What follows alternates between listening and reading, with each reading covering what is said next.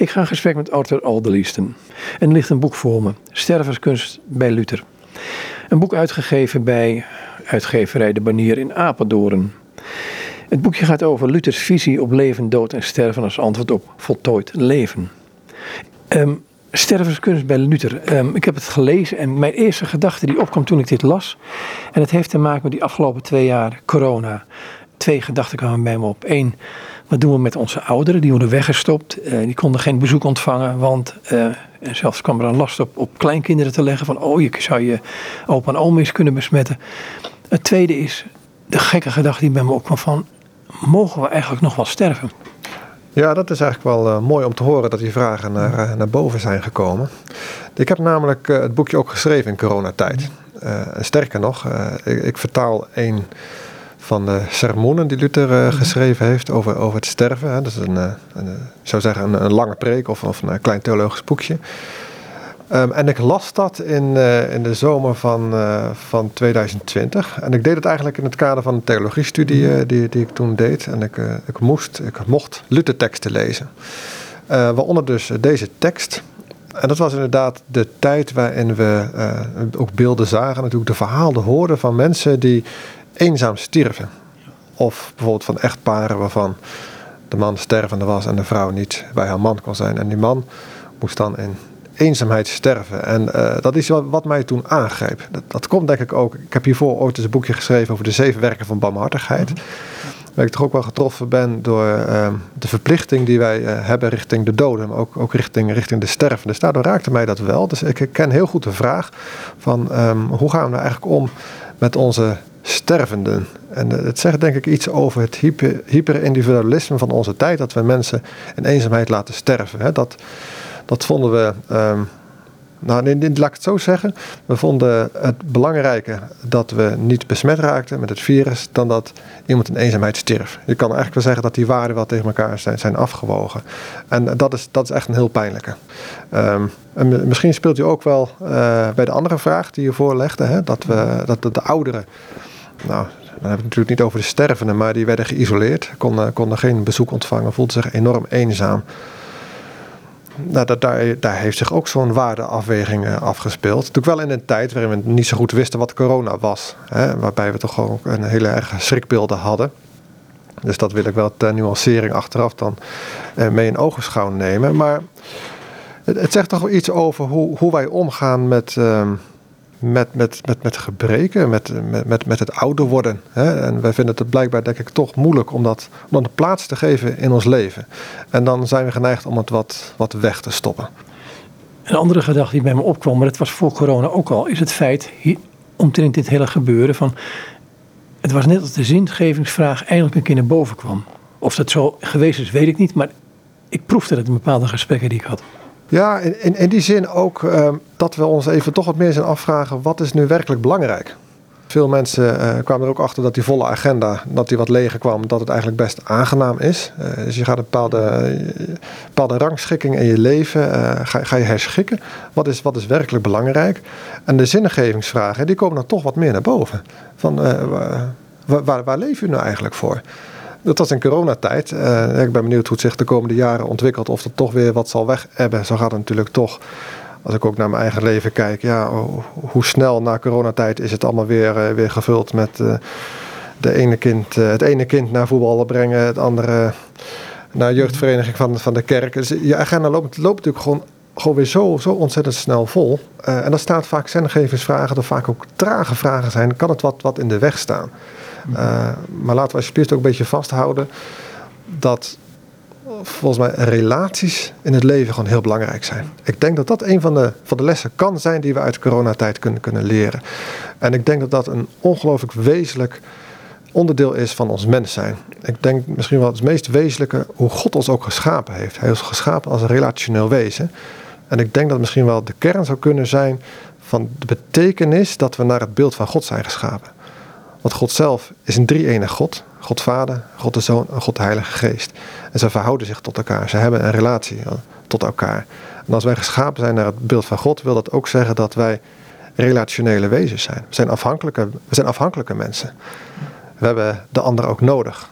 Uh, en dat hebben we ook gezien. En dat staat soms haaks op het individualisme, op ja, zelf je boontjes doppen, op eigen benen leren staan. natuurlijk is dat in de kern ontzettend goed en daar werk ik in mijn opvoeding naar de kinderen natuurlijk ook naartoe. Maar we mogen ook afhankelijk zijn. We mogen tot last zijn van anderen. Het boekje gaat natuurlijk ook deels over uh, voltooid leven. En een van de factoren die we zien bij, bij mensen die een, uh, ja, een persisterende, een actieve doodswens hebben. Wat je ziet is dat zij een ander niet tot last willen zijn. En dat dat vaak een doodswens voedt. Uh, dat ze dan maar liever dood zijn dan dat ze het idee hebben dat ze hun kinderen tot last zijn. Ja, ik vind dat een ongelofelijke aanklacht tegen, tegen de maatschappij, ook, ook, tegen de samenleving. Dat, dat, mensen, dat mensen zo denken. Waarom? Nou, dat grijpt eigenlijk in op dat, dat eerdere wat ik zei. Dat je mensen een relationeel wezen is. Uh, het woordje samenleving zegt ook al iets. We leven met elkaar. Je leeft ook als gezin, als familie. En het is ontzettend belangrijk dat je, dat je er voor elkaar bent. Uh, dat kan ook wel heel oppervlakkig klinken. Maar ik heb dat zelf in coronatijd ook toch meer geleerd. En ook door de studies waarmee ik bezig ben. Uh, dat, je, dat je toch ziet dat daar een, een oplossing ligt voor veel vraagstukken die in deze tijd opkomen. Eenzaamheid is, is er ook zo één. Dat is, eh, nou ja, de woorden van net, dat, dat denk ik echt, echt een aanklacht. Uh, maar het mooie is tegelijkertijd ook, er is iets aan te doen. Ja, dan kun ik wel zeggen wat. Maar ik wil eerst naar een ander iets gaan. Um, een van de, de denkwijzen in deze maatschappij, al sinds de verlichting denk ik, maar het lijkt steeds meer naar voren te komen, is het, het mechanisch denken zou ik het willen noemen. Dit is wat er is. Als hij dood is, doodgaat, is het afgelopen. Dus je moet er met, ja, met, met, met Godfried Wolms te praten. Ja, sorry, ik ben ik altijd lastig aan hem denk. Te spreken van uh, je moet uit die 70 jaar die je hebt, moet je maar uit, eruit zien te halen wat je hebt. En terwijl vroeger werd er geënthousiasmeerd. Um, nou wil ik het niet verheerlijken allemaal, maar dat zicht op een leven wat niet eindig is, maar wel eens door zou kunnen gaan. Dat. Ja, mooi dat je Bomans uh, citeert. Ik heb hem zelf inderdaad ook in mijn boekje aangehaald. Ja, ja ik, ik denk dat dat een, een hele belangrijke verklaring ook is voor, voor wat er gebeurt hè, in Nederland. En dat, dat is onlosmakelijk verbonden aan, aan de secularisatie, tot de ontkerkelijking. En dat hangt ermee samen dat we uh, niet meer of, of, of, veel minder geloven dan vroeger in een, in een hiernamaals. Het is veel meer het accent gekomen te liggen op het hiernumaals. Uh, en dan ja, wat onerbiedig gezegd, denk je dan niet verder dan je neus lang is. Uh, als je dan niet meer gelooft in, in, in, ja, in, in de transcendentie en dat, dat, dat er meer is dan, dan hier op aarde, dan krijg je inderdaad ook de levenshouding. En nu moet je eruit halen wat erin zit. Wat natuurlijk ook met zich meebrengt dat als je niet meer eruit kan halen wat erin zit, dat je denkt van ja, en nu is het klaar. Kappen ermee. Oftewel, dan zie je je leven als voltooid. Dat hangt met dat levensgevoel en die levensinstelling samen. Maar ik denk toch, en dat heb ik in mijn boekje ook naar voren willen brengen, als je, als je gelooft in, in, in, in God en de Vader van de Heer Jezus Christus, ja, dat, dan is de dood is, is, is, een, is een doorgaan. En dan, dan, dan is het niet het einde, nee, ja, dan, dan begint het pas. Dat ben ik helemaal met je eens, maar tegelijkertijd hangen we aan het leven. Zeker, zeker. We, we, mogen, sterker nog, we moeten in zekere zin ook van het leven, leven genieten. Want God heeft het leven gegeven en, en, en, en relaties. En dat, nou, een ander woord, wat ik denk heel belangrijk is, brengt ook bepaalde verantwoordelijkheid met zich mee. En ik denk dat leven is ook een verantwoordelijk leven. En voor ons als christen, in ieder geval voor mij als christen, betekent dat ook dat je, dat je verantwoord handelt in, in het licht van Gods openbaring. Dat je zoekt naar ja, hoe wil God dat, dat, dat ik leef? Wat, wat schrijft hij erover in zijn woord? En hoe kun je er zelf ook over nadenken? Dat mag natuurlijk ook. Uh, dat moet ook. Um, maar hangen aan het leven is dan uh, denk ik ook weer waar de grens ligt. We, mogen het, het belang van het leven ook weer relativeren. maar het leven mag ook genoten worden. En het leven mag in verantwoordelijkheid geleefd worden. In het boekje over Luther, dus stervenskunst bij Luther. Ik pak er gewoon dingen uit hoor. Um, zeg je op een gegeven moment, of zegt hij op een gegeven moment, nee, dat zeg jij in een essay aan het eind, um, dat hij eigenlijk het feit dat de dood een onderdeel van het leven is, um, dat het omgedraaid is bij Luther. Hij zegt nee, het leven is een onderdeel van de dood. Of de, het leven is in de dood aanwezig. Ja, ik, ik denk dat je ook doelt op het, uh, op het lied. Mm -hmm. um, midden in het uh, leven zijn we door de dood omvangen. Uh, dat was een heel bekend middeleeuws lied. Een, nou, het schijnt een van de, de bekendste middeleeuwse liederen. Luther heeft dat lied herdicht, ook uitgebreid. En heeft daar een tweede couplet aan, uh, of een tweede en een derde couplet aan toegevoegd. En het tweede, daar, daarin draait hij het precies om. Daar zegt hij niet van midden in het leven zijn we door de dood ontvangen. Wat natuurlijk in feite wel ook wel een middeleeuwse werkelijkheid was. Maar hij tilt het echt aan een ander niveau en zegt hij maar... midden in de dood zijn we door het leven ontvangen. En daarmee zegt hij eigenlijk, ja, wat ik ook net aangaf, dat we met de dood is, is dat de, de, de doorgang, de toegang tot, tot het eeuwige leven.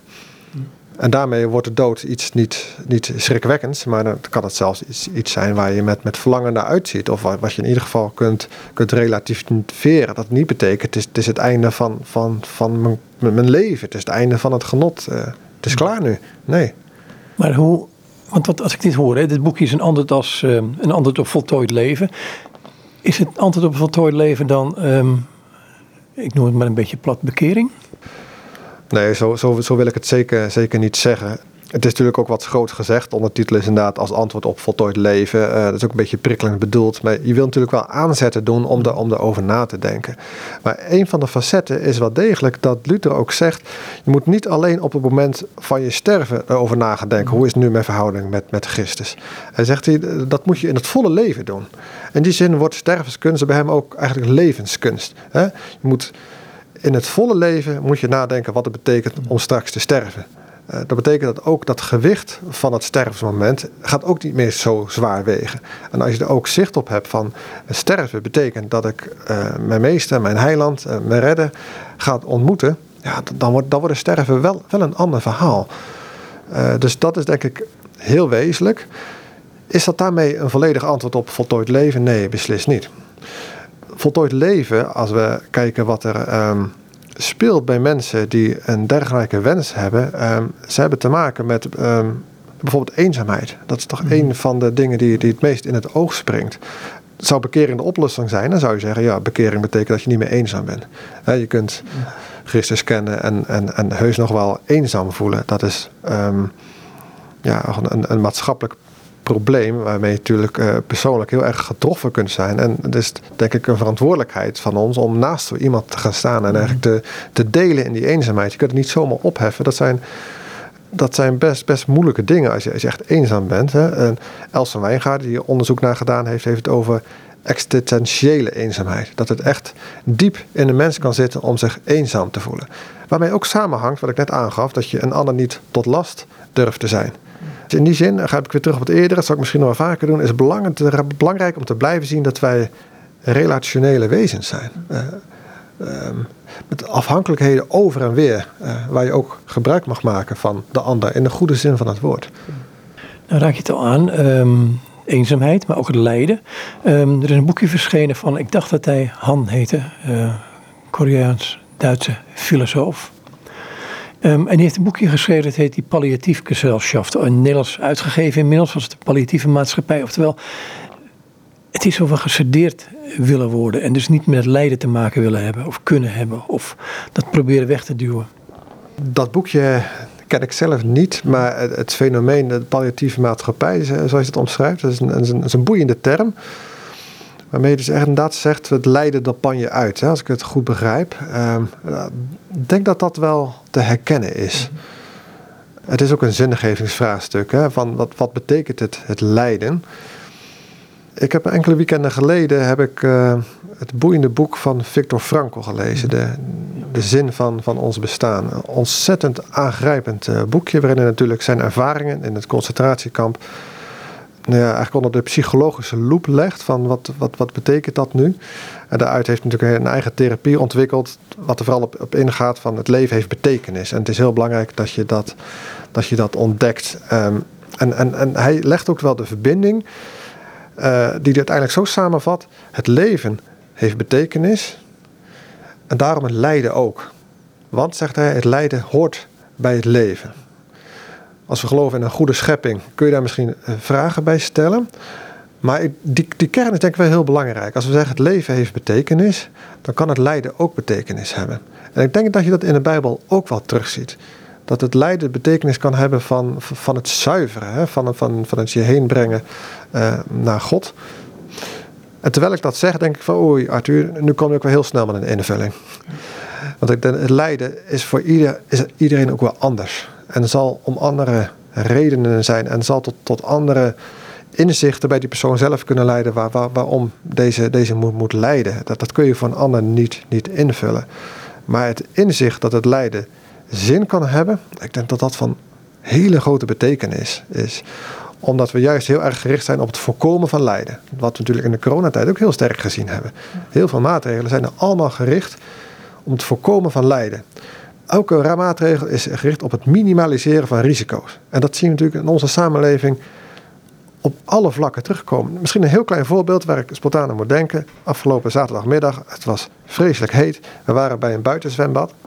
En uh, nou, mijn dochter is zes, is bezig met de zwemdiploma. Dus uh, zij heeft zo'n zwemvest aan om, om te mm. zwemmen.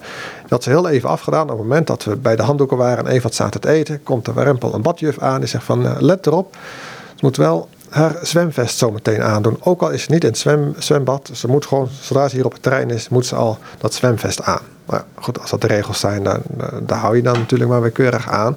Dan ik van, oh wat is het toch een voorbeeld van hoe we in Nederland elk risico willen, willen minimaliseren. Maar het leven heeft ook gewoon bepaalde risico's in zich. Ja, het lijkt me lastig om zonder die risico's te kunnen leven. Kun je nou wel leven? Want dan kun je ingesloten raken in, nou ja, misschien een cel, monnik of gevangenen. Ja, ja dat laatste is vaak niet, niet zelf gekozen. Um, maar je kunt inderdaad een hele terug, teruggetrokken bestaan uh, gaan, gaan creëren voor jezelf. Maar feitelijk doen we dat als samenleving. We creëren een hele, hele teruggetrokken, teruggetrokken samenleving. Terwijl ook als het gaat om het omgaan met de stervende, hoort het erbij om, nou ja, sterker nog, daar hebben we op, op geanticipeerd bij de coronamaatregelen. Want iedereen moest zich volledig uh, afgezonderd houden van mensen met corona, maar mensen in de zorg. Nou, die moesten zelfs, toen er nog onvoldoende veiligheidsbeschermingsmiddelen waren, werden ze toch geacht naar hen toe te gaan. En als iemand in het gezin corona had, was de normale regel: nee, dan blijven we thuis. Maar de mensen in de zorg, die moesten het toch doen. Uh, en ik denk niet dat het erg is. Ik denk dat dat goed is. Maar het was de uitzondering op de regel. De regel was elk risico minimaliseren. Dat de regel ook zou kunnen zijn. Ja, dat is natuurlijk moeilijk in regels te vatten. Ik, ik snap het wel, maar het gaat mij om, de denkrichting. We willen er zoveel mogelijk voor de ander zijn. En we willen bij die ander zijn in eenzaamheid. En we willen diegene in haar of zijn lijden proberen nabij te zijn. Dan krijg je andere regels. Of misschien wel helemaal geen regels. Ik bedoel, je kunt, kunt het leven bijna niet altijd even juridisch vatten. Maar het gaat me even om het volgende. Um, in stervenskunst bij Luther zeg je ook, en dat vind ik wel een, een, een eye-opener van nu. Um, of in je essay zeg je ergens van ja, het lijkt tegenwoordig lijkt het sterven weggeduwd te worden. Uh, ergens achteraf uh, moeten we er vooral niet te veel van merken. Uh, terwijl Luther zegt nee, het is, het is een, bijna een openbaar gebeuren. Ja, ja, ja, daar is veel over te zeggen. Um, kijk, in de tijd van de middeleeuwen was, was het eigenlijk een openbaar gebeuren.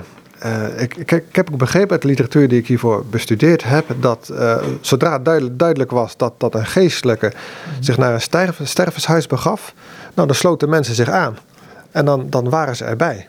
Zelfs nog meer openbaar dan, dan, dan wij het huwelijksfeest kennen, maar, of, of, de, of de ceremonie. Dus het was een openbaar gebeuren. Je ziet bij, bij Luther enerzijds dat hij een, een wat meer individueel proces van maakt. Want het gaat ook om, om je eigen verhouding tot, tot God. En je hebt niet per se een geestelijke nodig om te kunnen sterven. En dat was ook een correctie die hij aanbracht op zijn tijd. Dat dat heel goed was. Ook omdat er gewoon een heleboel mensen stierven destijds.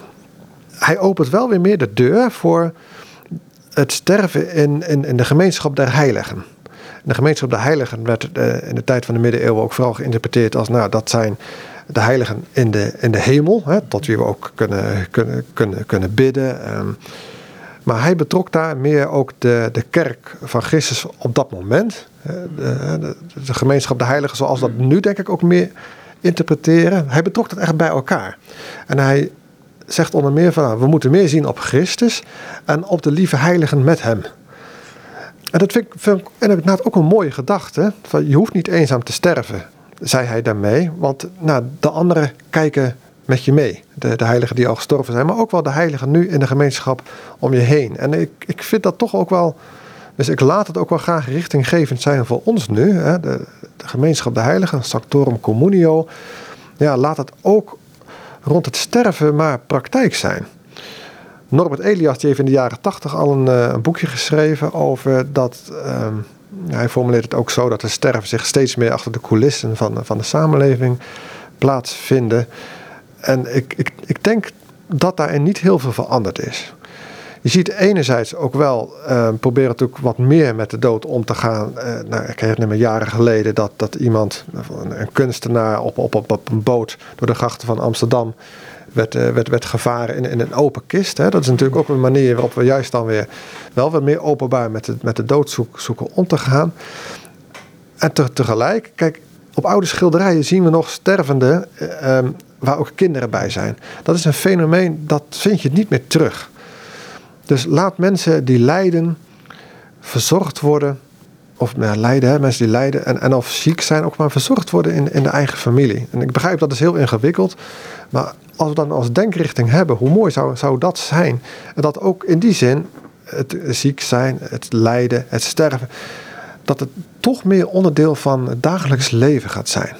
Dan worden er ook verlost van een bepaalde kramp om daarmee om te gaan. Want als je nooit iemand ziet sterven, of je hoort bijna nooit dat, dat iemand sterft, ja, dan kun je er natuurlijk ook veel minder makkelijk mee omgaan.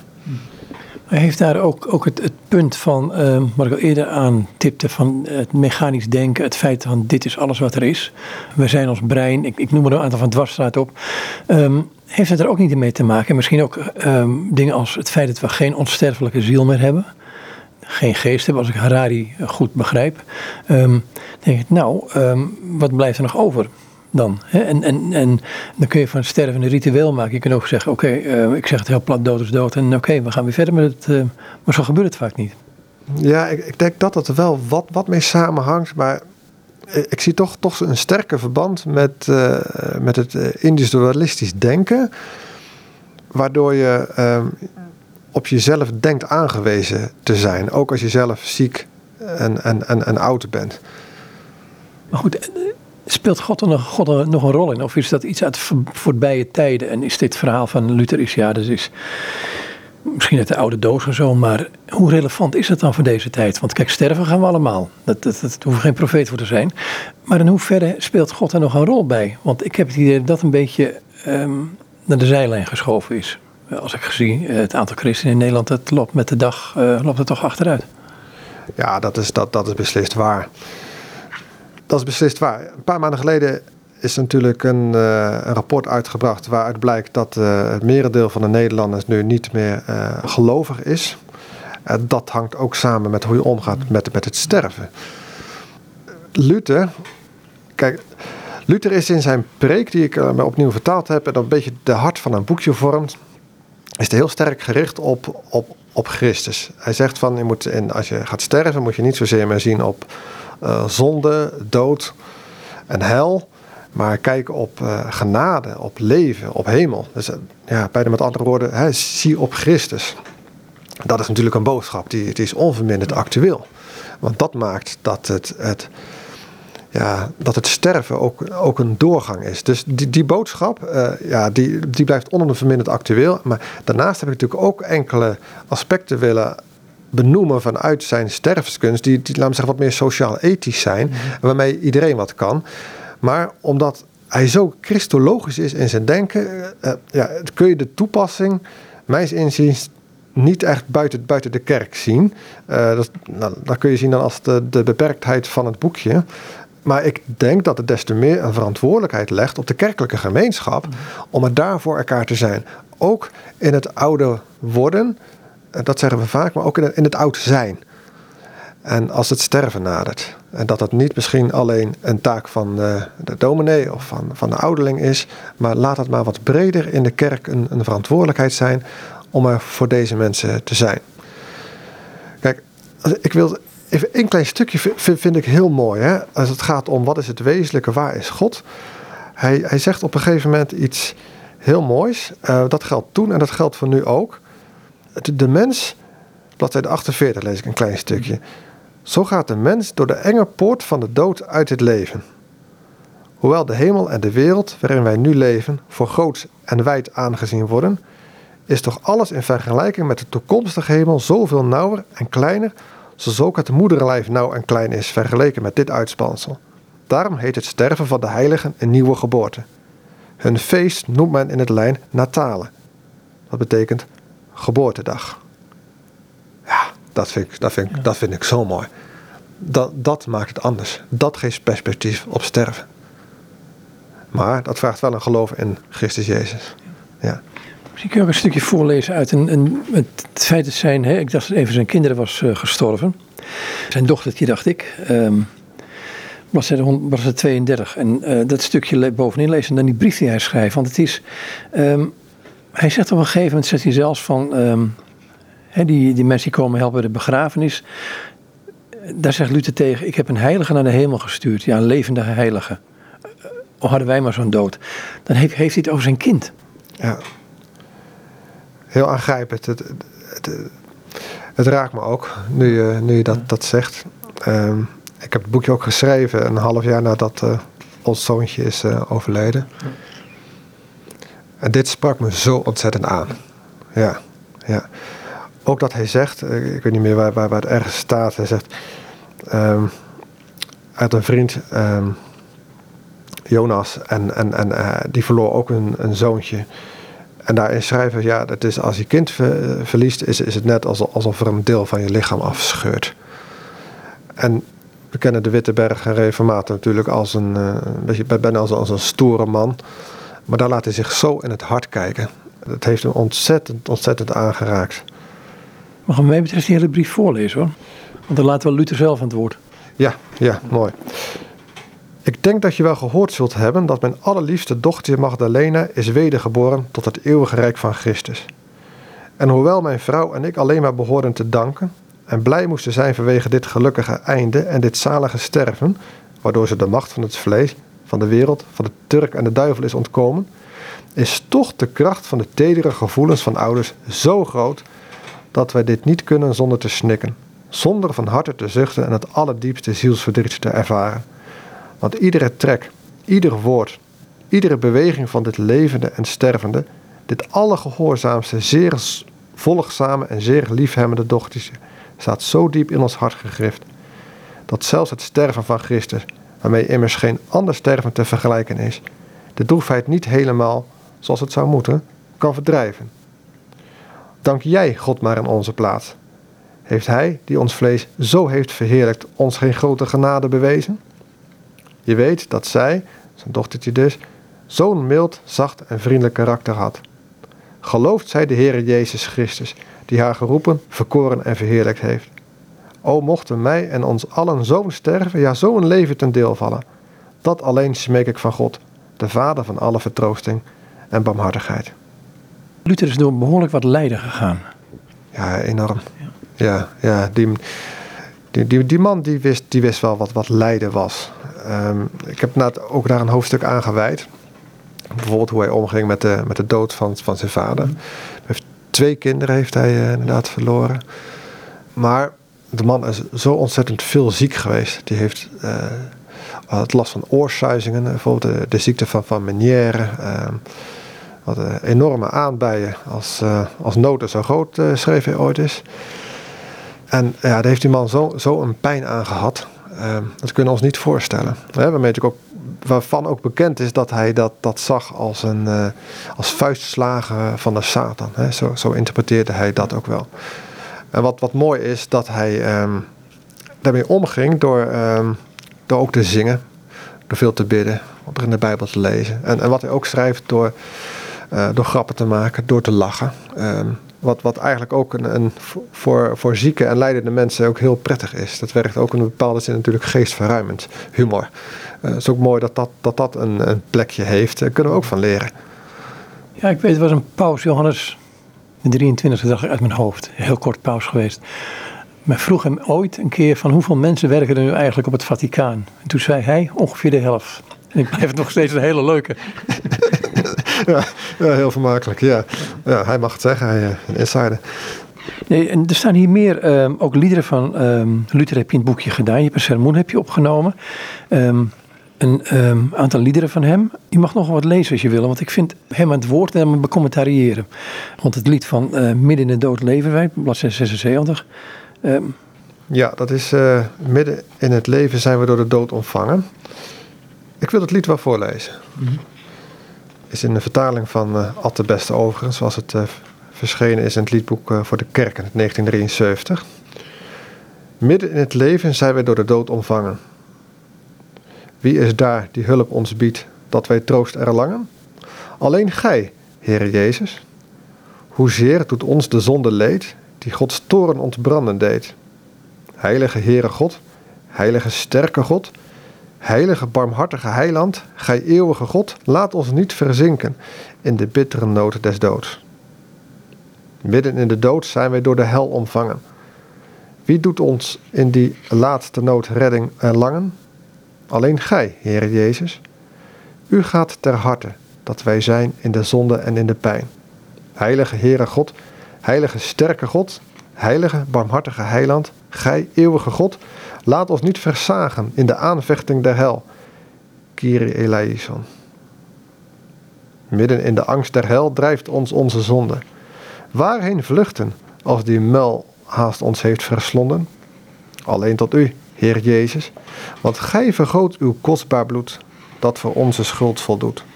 Heilige Heere God, heilige sterke God, heilige barmhartige heiland, Gij eeuwige God, laat ons niet ontzinken aan de troost van het geloof. Kiri eleison. De bladzijde na komt er een troostgebed voor ons stervende. Dat schreef hij in 1534, dus een aantal jaren voor zijn dood.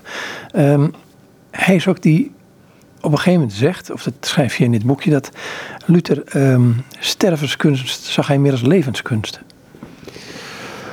Ja, daarmee bedoel ik eigenlijk dat hij zegt: um, laat niet alles aankomen als het gaat om je eeuwige redding op het laatste moment. Maar denk gewoon in het volle leven ook al na gewoon over je sterven. En zorg dat het goed is tussen jou en tussen God. En wat het, het aardige is, als je zijn sermoen leest, eigenlijk een, een heel verrassend praktische opening. Hè, het, het kent de opening van zorg ervoor dat alles goed is als het gaat om je aardse bezittingen. Ofwel, zorg dat je testament in orde is. Geen ruzie bij de kinderen. Nou, dat is inderdaad de tweede. Ook inderdaad, zorg, zorg dat je, uh, uh, mocht je nog uh, heibel hebben met iemand, zorg dat het goed gekomen is. Dat je iedereen recht in de ogen kunt kijken, dat het glad is. Met welk doel? Zodat je je kunt richten op een goed stervensproces. En ik denk dat dat voor, voor vandaag ook betekent, bereid je ook voor op het sterven in, in, in medische zin. we kunnen, dat is natuurlijk totaal anders dan in de tijd van Luther, we kunnen ontzettend veel. Kunnen het leven, uh, zo toch maar uit te drukken, we kunnen het leven heel erg verlengen. We kunnen ja, zorg ontvangen die, uh, die heel lang duurt, waardoor er we nieuwe vragen gaan reizen. Waardoor de vraag gaat komen, hoe, hoe ver moet je nou eigenlijk gaan met het behandelen? Je kunt zoveel medicatie ontvangen door, door de curatieve zorg, um, waardoor je um, minder helder wordt en je bijvoorbeeld niet goed afscheid kunt nemen van je, van je naaste. Ik denk dat het goed is om meer over deze vragen na te denken en laat de waarde van een goed sterfproces maar meer wegen. Dat, dat je heel bewust ook afscheid kunt nemen van, van je naaste. Uh, dat is door die ja, verdere gaande medicalisering, we hadden het eerder gesprek over mechanisering, nou daar hangt die medicalisering denk ik mee samen. Um, zorg ervoor dat je, dat je goed, goed kan sterven. En dan helpt het ook als je er van tevoren over nadenkt. Tot hoever wil je nou eigenlijk behandeld worden? Ook als je weet dat de sterven gaat komen. Want En dan heb je het niet over euthanasie speciaal? Dan heb ik het niet over euthanasie speciaal, maar ook over euthanasie. Um, maar mijn punt is toch wel vooral... zorg ervoor dat je dat je, dat je goed, goed en eigenlijk ook wel zo, zo helder mogelijk kunt sterven. Ook, ook voor de naaste zelf. Um, zodat, nou, als je nog gesprekken kunt voeren, hè, de laatste woorden van een sterven worden niet vaak, voor niets zo vaak herinnerd. Dat zijn woorden van belang. Dus het is heel mooi als je dat uh, ja, heel, heel bewust kunt doen. Ja, en daarop kun je dus inderdaad uh, voorbereiden. Dat heet ook wel een advanced care planning. Hè? Dat je nadenkt over welke zorg wil ik eigenlijk ook in de laatste fase van, van mijn leven ontvangen. En bespreek het ook met je kinderen. Maar dat, dan gaat het over als je een ziekbed hebt of minder wordt. Er zijn veel mensen die sterven nog in hun slaap, gewoon plotseling. Um, maar het, dat, dat doorbehandelen, dat is ook een issue natuurlijk. Want het, het, lijkt wel of we niet mogen sterven dan. Dat doelde ik mijn eerste vraag op. Ja, ja, ja, ja. Daarop, daarop is wat ik nu zeg eigenlijk ook, ook een antwoord. Hè? Um, Um, dat hangt met veel facetten samen. Hè. Dat hangt in de, in de kern ook samen van... is het leven het hier het namaals of is er ook een hier het numaals? Zodat, zodat je ook ja, toch verder kijkt dan... dat betekent een, een, een einde aan, aan alles. Maar ja, laten we alsjeblieft onze ogen open houden... dat we ook mogen sterven. Mm Dat dat, dat nou ja, anno 2022 echt een boodschap is... die we ons uh, ter harte moeten nemen. En hoe is dat een antwoord op voltooid leven? Ja, dat is, uh, dat, dus, dat, dat is een grote vraag. Hè? Maar ik, ik, denk allerlei elementen die in het gesprek naar voren zijn gekomen, dat, dat die daar, daarin een, een, een rol speelt. Het, het hangt ermee samen. Ja, wat, wat, wat, is, wat is je visie op het leven? Is, is het leven inderdaad het hier of nu? Of, of is er ook een, een, een, God die leeft en is er een eeuwigheid, zodat het sterven een ander daglicht komt te staan? Um, maar ook ja, de, de, de, de vraagstukken ook op een ander niveau. Van waar komt een wens om te sterven nou eigenlijk vandaan? Dat dat een hele belangrijke vraag is voor mensen die leven om iemand met een, met een voltooid leven gedachte. Van, maar, maar wil, je, wil, je echt, wil je echt wel dood? Of zijn er omstandigheden waar je van af wil? En zo ja, wat zijn die omstandigheden dan? Nou, en die kunnen heftig zijn. Ik bedoel, als ik depressie denk of, of uh, pijn. Nee, zeker. zeker. Um, dat gaat natuurlijk vaak over uh, suicidaliteit. Maar als het gaat om voltooid leven, um, dan, dan kan het een rol spelen, maar dat hoeft niet. Dan hebben we natuurlijk te maken met uh, uh, eenzaamheid. En het niet een ander tot last willen zijn. En dan denken we, hé, hey, maar als ik dus oud word, en zeker als ik ga dementeren, ja, dat, dat wil ik mijn kinderen niet aandoen. Ja, hoezo niet? Hè? Um, een Belgische priester heeft ook uh, een boek geschreven over uh, tot, tot last zijn. Je mag een ander tot last zijn. Ik vind dat echt ook een belangrijke boodschap die, die we als kerk ook denk ik moeten uitdragen. Ook zeker als kerkleden onderling. Van we mogen elkaar tot last zijn. Juist ook met die term van last. Dat, dat klinkt per definitie van dat wil je niet. Ja, maar, maar het, het mag. Mijn ouders die hebben ook even wat meer zorg nodig. Als ik nu merk hoeveel mensen er in de kerk om hen heen staan en helpen. Nou ja, als je wat ouder bent, dan heb je ook je steentje bijgedragen. Dan, dan mag je ook wat terugkrijgen. En met dat ik het zeg, denk ik van nou, dat is eigenlijk heel risicovol. Want ook al heb je je hele leven lang niks bijgedragen, dan, dan, dan mag je nog hulp ontvangen. Maar goed, het zegt ook iets over ehm, hoe je leeft en hoe je, hoe je gaat sterven heeft ook te maken met hoe je geleefd hebt natuurlijk, lijkt het wel als ik het zo hoor van jou. En dan heb ik niet over een succesvol leven, maar meer over een term als vruchtbaarheid. He, vooral als je het over demonteren hebt. Ik herinner me een priester die ooit zei van een, van een medepriester van hij demonteert, maar hij is nog steeds vruchtbaar voor God. En dan raak je een van die waanzinnig, um, moet je zeggen, wonderlijke dingen van het leven, zou ik bijna zeggen, vruchtbaarheid. Ja, ja. Kijk, in een samenleving gaat het vaak om contractueel denken. Hè? Jij dit en uh, ik daarvoor dat.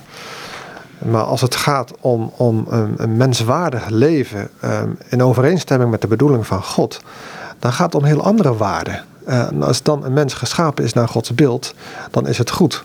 Ook, ook al vegeteer je, heel plat gezegd, dan heeft een leven nog steeds zin. Waarom? God heeft het leven gewild.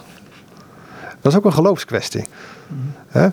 Maar uh, als, je, als je zo naar het leven kunt kijken, voor jezelf en voor anderen, ja, dan, dan sta je toch anders in het leven. Dan is het leven een geschenk dat tegelijkertijd, ik kom terug op het begin van ons gesprek, dat tegelijkertijd ook verantwoordelijkheid in zich draagt.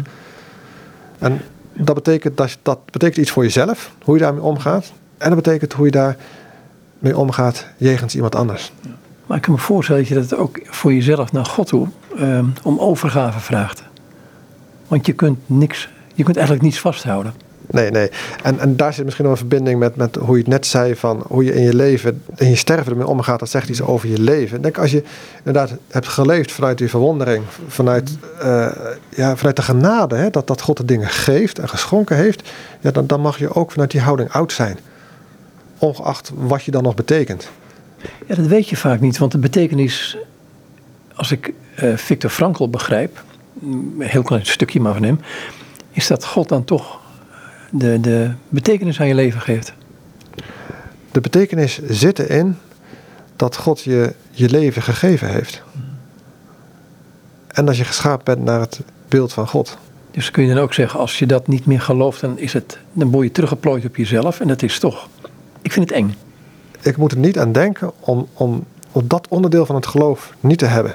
Dat is voor mij gewoon een, een, heerlijke wetenschap. Dat, dat God mij gewild heeft. Ook op de dagen dat, het, dat ik me minder voel, minder van betekenis kan zijn. Dat is ook mijn valkuil. Dat een hele grote valkuil voor mij. Van betekenis willen zijn. Dat betekent dat je altijd aan het produceren bent. Nee, je mag ook wel eens lummelen en even wat, wat minder doen. Dat mag. Ja, je, je komt bij het punt van wie bepaalt of jouw leven betekenis heeft. Ben je het zelf? Want dan kom je eigenlijk bij het voltooid leven uit. Ja, dat is, dat is, dat is een interessante. Ja, als ik net formuleerde dat God je het leven gegeven heeft en dat het daarom betekenis heeft, dan, dan zit eigenlijk in het geschenkkarakter van het leven, zit eigenlijk al de betekenis. En dan hangt het dus niet vanaf wat je doet, of, ja, of wat, je, wat je hebt gedaan, maar gewoon dan, dan mag je er zijn. Dan mag je er dus werkelijk zijn zoals je bent. Nou, terwijl ik het zeg, voel ik eigenlijk een bepaalde rust in mezelf komen. Mhm. Zo heerlijk is dat. Dat geeft rust. Ik zou het troostgebed voor ontstervensuur, misschien kun je dat lezen van Luther, um, heeft in 1534 geschreven. Almachtige, eeuwige, barmhartige Heere en God, u die de Vader van onze lieve Heer Jezus Christus bent. Ik weet zeker dat u alles wat u beloofd hebt ook volbrengen kunt en wilt, dat u niet liegen kan en uw woord waarachtig is. Vanaf het begin hebt u mij uw lieve zoon Jezus Christus beloofd. Hij is gekomen en heeft mij van duivel, dood, hel en zonden verlost. Daarna hebt u tot versterking, uit genadig willen, mij de sacramenten van doop en het avondmaal geschonken. Daarin hebt u mij vergeving van zonden, eeuwig leven en alle hemelse goederen aangeboden. Naar uw belofte heb ik deze tekenen ontvangen en in het geloof op uw woord mijn vertrouwen gesteld. Daarom twijfel ik er in het geheel niet aan dat ik zeker en gerust ben tegen de aanvechtingen van duivel, dood, hel en zonde. Is dit mijn stervensuur en naar uw goddelijke wil, dan wil ik vredig met blijdschap in uw woord graag van hier heen gaan. Amen. Dit ontroert jou nog steeds, hè? Ja, prachtig. Prachtig. Die, die, die, die overgave aan Christus, de rust om, om inderdaad heen te gaan en met blijdschap ja, ik, uh, ik hoop dat ik zo mag heen gaan. Ik heb een vriendin zo in de laatste weken van het sterven gezien. Um, en ik dacht van, als zij zo blij is met gewoon een kleine, lag een kleine vertroosting. Hoe blij moet Christus met jou niet zijn, hè? Die, die blijdschap zag ik daarin. En denk ik jongens, dit is, zijn we ons daar misschien, misschien niet te weinig van bewust? Ja, als je daarmee beantwoordt aan, aan het scheppingsdoel van Christus, dan, dan, dan zal hij zich daarin verheugen. Ja, en, en, en, ja, en, en het denken van Luther en alle heiligen erbij. Ja. Dat maakt het groot en wijd. Dan leven wij in een tijd um, waarin techniek ons ter beschikking staat. Uh, de medische wetenschap. Je gaat twee dingen tegenover elkaar zetten. Um, je mag abortus plegen tot je, hè, tot je twintigste week, dacht ik in Nederland, misschien later.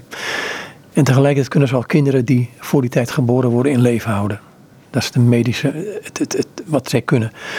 Hetzelfde geldt voor het hele stervensbegeleiden. Um, men kan mensen eindeloos kan, lijken een leven te kunnen rekken. Um, die twee dingen, um, worden wij niet geleefd op een gegeven moment door techniek in plaats van techniek dat ons, ons ten dienste staat? Techniek en, uh, en al die vele gedaanten die het uh, aanneemt, uh, is misschien wel de grootste afgod van onze tijd. En, en, en ik denk dat het ons, ons belemmert om te leven naar, naar Gods bedoeling. Tegelijk moeten we ook altijd zeggen, de techniek brengt ons ook onvoorstelbaar veel zegen. En daar, daar, mogen en moeten we God, God ook voor danken. Ik denk dat we dat altijd met, met twee woorden moeten spreken. Tegelijkertijd moeten wij, zoals Dietrich Bonhoeffer ook zegt, eh, niet, niet achter de wagen van de techniek laten spannen. Maar uh, wij moeten zelf leidend zijn uh, aan, het, aan de techniek. Uh, wij moeten niet de slaaf van de techniek worden. wat je, als het gaat om de, de, de medische toepassing, stiekem dan toch wel ziet gebeuren. En dan leidt het dus ook tot ja, een alsmaar verdergaande levensverlenging. ja, wat een normaal sterfsproces eigenlijk in, in de weg staat. Nou, dat is dan een van de punten van mijn boekje. Ik zeg laten, we, laten we daarvan terugkeren. Er zit nog een ander aspect aan, en dat heb ik in het, eh, ik heb het rapport ook gelezen, wat, uh, wat je me toestuurde. Uh, goede zorg rondom het levenseinde, waar je uh, mede-redacteur van bent, um, samen met Henk Jochemsen. Uitgegeven door het Lindeboom Instituut. Um, is het volgende, is, waar ik altijd een beetje, en ligt, misschien ligt het aan mij wat ik nu zeg hoor. Um, dan hoor ik een, een Ik ben niet voor abortus, integendeel. Um, ja, wanneer kun je beslissen om je leven te beëindigen of een andere te laten beëindigen? Maar ook bij het begin van het leven, bij abortus. En dan komt het woordje zorgvuldig naar voren toe. En het is net dat dat een legitimiteit geeft aan datgene wat er gaat gebeuren. Ja, ja. Ik, ik denk dat je wel kan zeggen dat, dat de wetgever ook wel uh, op een bepaalde manier zorgvuldigheid betracht. Uh, je moet natuurlijk volgens bepaalde regels uh, wetgeving tot stand brengen, omdat het dan ook te handhaven is. Maar ik hoor je eigenlijk zeggen, het zou wel eens een, een, een masker kunnen zijn voor eigenlijk een soort kwaad. Of, of een legitimatie. Ja, ik vind het moeilijk om, om, dat, om dat direct op elkaar te betrekken. Maar ik denk wel dat ook, ook al uh, wordt er gezegd, uh, we staan voor een bepaalde zorgvuldigheid, dan worden er onder die zorgvuldigheid nog steeds morele keuzes gemaakt. Uh, en ik denk dat je, dat je dat wel moet scheiden en daar altijd wel kritisch op moet blijven te zijn. Want je kan, je kan zorgvuldig een moord plegen, bij wijze van spreken. Dus zorgvuldigheid dat zegt nog niets over de, de morele geladenheid van, van een handeling. Dat bedoelde ik eigenlijk. Is er nog een stukje uit, uit, die, uit Luther wat je kunt voorlezen, wat ons gewoon een beetje de smaak geeft van hoe hij denkt en hoe hij in het leven stond? Je hebt er wat nodig over verteld, maar um, want het is een vrij uitgebreide preek toch? Of sermoen moet ik zeggen. Ja, ik denk dat een kernstuk namelijk uh, paragraaf 14 is. Dat is volgens mij een, een kern. Nou, laat ik dan uh, de veertiende paragraaf uh, voorlezen. het kopje dat ik boven gezet heb is Christus in zijn aanvechting ons tot voorbeeld. Mm dat heeft Luther niet zelf geschreven, maar omwille van de leesbaarheid heb ik tussenkopjes uh, uh, toegevoegd. En ik heb eerder in een gesprek al genoemd, ehm, het gaat eigenlijk om een perspectiefwissel in dit sermon. Hij zegt van richt je niet op zonde, dood en hel, maar op genade en leven en, en hemel.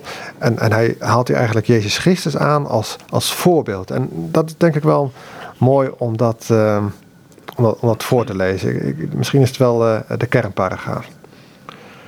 Ten overvloede heeft hij, Jezus dus, niet alleen in zichzelf zonde, dood en hel overwonnen en aan ons voorgehouden te geloven, maar tot nog grotere troost heeft hij ook zelf de aanvechting die wij door dat beeld hebben, doorstaan en overwonnen. Net als wij is ook hij aangevochten met de beelden van dood, zonde en hel. Het beeld van de dood hielden de Joden hem voor ogen toen ze zeiden: Kom af van het kruis. Anderen heeft hij verlost, hij kan zichzelf niet verlossen. Indien hij de koning Israëls is, dat er nu afkomen van het kruis en wij, en wij zullen hem geloven. Alsof zij wilde zeggen, kijk, daar zie je nu de dood. Nu moet je sterven en er is niets wat er tegen helpt. Zo stelt ook de duivel een stervende mens het beeld van de dood voor ogen en drijft hij met verschrikkelijke beelden de zwakke natuur in het nauw. Daarnaast hielden zij hem het beeld van de zonde voor. Hij heeft anderen gezond gemaakt als hij Gods zoon is, laat hem dan van het kruis afkomen enzovoort. Daarmee wilde ze zeggen, zijn werken zijn vals en louter bedrog geweest. Hij is niet de zoon van God, maar van de duivel, en hem behoort hij met lichaam en ziel toe. Hij heeft nooit iets goeds gedaan, alleen maar kwaad. Vervolgens hielden ze hem ook het beeld van de hel voor ogen toen ze zeiden: Hij vertrouwt op God. Laat ons eens kijken of God hem verlost, omdat hij zegt Gods zoon te zijn. Alsof ze wilden zeggen: Hij hoort in de hel thuis. God heeft hem niet uitverkoren, hij is eeuwig verworpen. Hier helpt geen hoop of vertrouwen mee, hier is alles te vergeefs. Nou, zoals de Joden Christus deze drie beelden door elkaar heen voor de geest liet roepen, zo wordt de mens door deze allemaal tegelijk en dwars door elkaar heen bestormd, zodat hij gek gemaakt wordt en snel begint te twijfelen. Het is zoals de Heer in Lucas 19 de verwoesting van Jeruzalem beschrijft. Haar vijanden omringen de stad met een wal, zodat de inwoners er niet meer uit kunnen. Dat is de dood. Ze drijven hen van alle kanten in het nauw en boezemen hun angst in, zodat zij niet weten waar ze blijven moeten. Dat zijn de zonden. Ten derde slaan ze hen tegen de grond en laten geen enkele steen op de andere. Dat zijn de hel en de vertwijfeling. Wij zien nu dat Christus tegenover alle woorden en gruwelijke beelden het zwijgen ertoe doet. Niet met hen strijdt, doet alsof hij niets hoort of ziet en dat hij geen antwoord geeft. Als hij erop geantwoord zou hebben, had hij er slechts aanleiding toe gegeven dat ze zich nog intensiever aan hem hadden opgedrongen. Hij vertrouwt alleen op de liefdewil van zijn vader. Zo volledig dat hij zijn eigen dood, zonde en hel, die zich aan hem opdringen, vergeet en voor zijn vervolgers en voor hun dood, zonde en hel bidt. Ook wij zullen deze beelden moeten loslaten en er slechts aan denken dat wij alleen op Gods wil bouwen. Dat we zeggen dat we ons aan Christus vastklampen en vastgeloven dat onze dood, zonde en hel in hem overwonnen zijn en ons niet kunnen schaden zodat alleen nog het beeld van Christus in ons is en wij met hem disputeren en omgaan. Dus het beeld van God is Christus. Ja, ja. Wat, wat, wat, ik, wat ik zo mooi vind, en dat moet toch echt even genoemd worden. Kijk, hij heeft het in 1519 geschreven.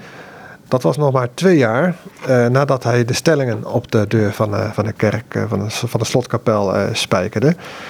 Um, hij had ook aanvankelijk geen tijd, toch heeft hij het geschreven. Maar dat zegt dus iets. Hè? Hij heeft in, de, omliggende periode heeft hij drie van zijn hoofdwerken geschreven.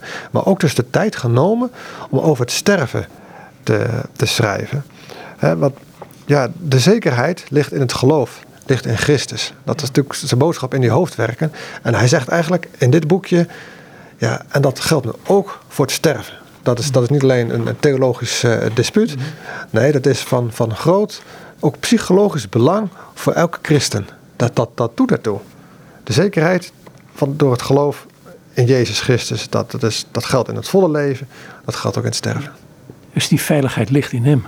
Volledig. Ja. ja dat is de zekerheid. Ik wil nog één dingetje uit het boek pakken. Um, want we hebben het over het lijden gehad, het sterven gehad. Een aantal aspecten. Um, Bonheuver, daar ben je bekend mee. Die zegt op een gegeven moment, ik las het hier toevallig, of ik heb het gelezen. Dat gekke zinnetje van, um, want wij denken altijd dat de zwakken de sterke nodig hebben. Maar hij zegt, het is misschien wel precies andersom. En zo ervaar ik het soms ook in de ontmoetingen die ik heb. Dat wat wij zwak denken te zijn, dat is ons vaak tot enorme zegen. En, en ja, ik weet niet hoe ik het zeggen moet. Ja, ik probeer even terug te halen. Volgens mij heeft het ergens in, in een preek gezegd waar het gaat over, uh, over het functioneren van, van de kerkelijke geloofsgemeenschap. Ja, wij, wij als sterken kunnen niet zonder, zonder de zwakken. En dat, dat, dat, dat, dat, dat is volgens mij ook verbonden aan, aan wat werkelijk van betekenis is. Uh, wij denken vaak, we zijn de sterken en de zwakken. Nou, die accepteren we. Of die geven ergens nog een plekje en dat is al heel wat. Maar eigenlijk zegt Bonhoeffer daarmee van nee, maar wij kunnen daarvan leren. En als je je, je, je geloofsgemeenschap ook inricht op het, op het zorg hebben voor de zwakken. En daarvan leren. Dat, dat, dan, dan sta je ook niet op een, op een ongelijke manier tegenover elkaar of naast elkaar. Maar dan sta je dus werkelijk naast elkaar op, op een gelijk niveau. En, en dat is, ja... Uh, dan voelt dus, laten we zeggen, een zwakke. Ja, de terminologie op zich is natuurlijk al vervelend bijna. Hè? Um, maar die zal dan ook ervaren dat die van betekenis is. En mensen die ervaren van betekenis te zijn, die willen niet dood. Of in ieder geval veel minder vaak en minder snel dan wanneer je wel het idee hebt van hé, hey, ik ben van betekenis, ik doe ertoe. Dat is ontzettend, van, uh, ontzettend erg belangrijk. En, en ja, ik zie er wel een verbinding in met de, met de uitspraak die, uh, die Bonhoeffer daar doet. Ja. Ik moet denken aan een interview dat ik ooit had met, uh, over, over, het, over het leven. En daar stond onder andere een zin in, in een boek van um, een dominee die bij een stervende kwam. En die zei, ik dacht dat ik de ander troost kwam brengen, maar het was precies andersom. Het was net dat de Messias in het bed lag. Ja, mooi is dat. Ja, ja. ja zo, zo kan dus een sterven inderdaad van, van, van betekenis zijn. En als Christus in zo iemand woont, ja, dan ga je dat terugzien. En dan kun je als omstander kun je er wel eens uh, heel erg door vertroost raken. Ja, mooi om te horen. Ja. Ik wou het hierbij laten, dankjewel. Graag gedaan. En dit zei Arthur Alderliesten en met hem was ik in gesprek over of aan de hand van het boek Stervenskunsten bij Luther. Door hem geschreven en uitgegeven bij uitgeverij De Banier in Apeldoorn. Goed, nogmaals dus tot zover dit gesprek met Arthur Alderliesten.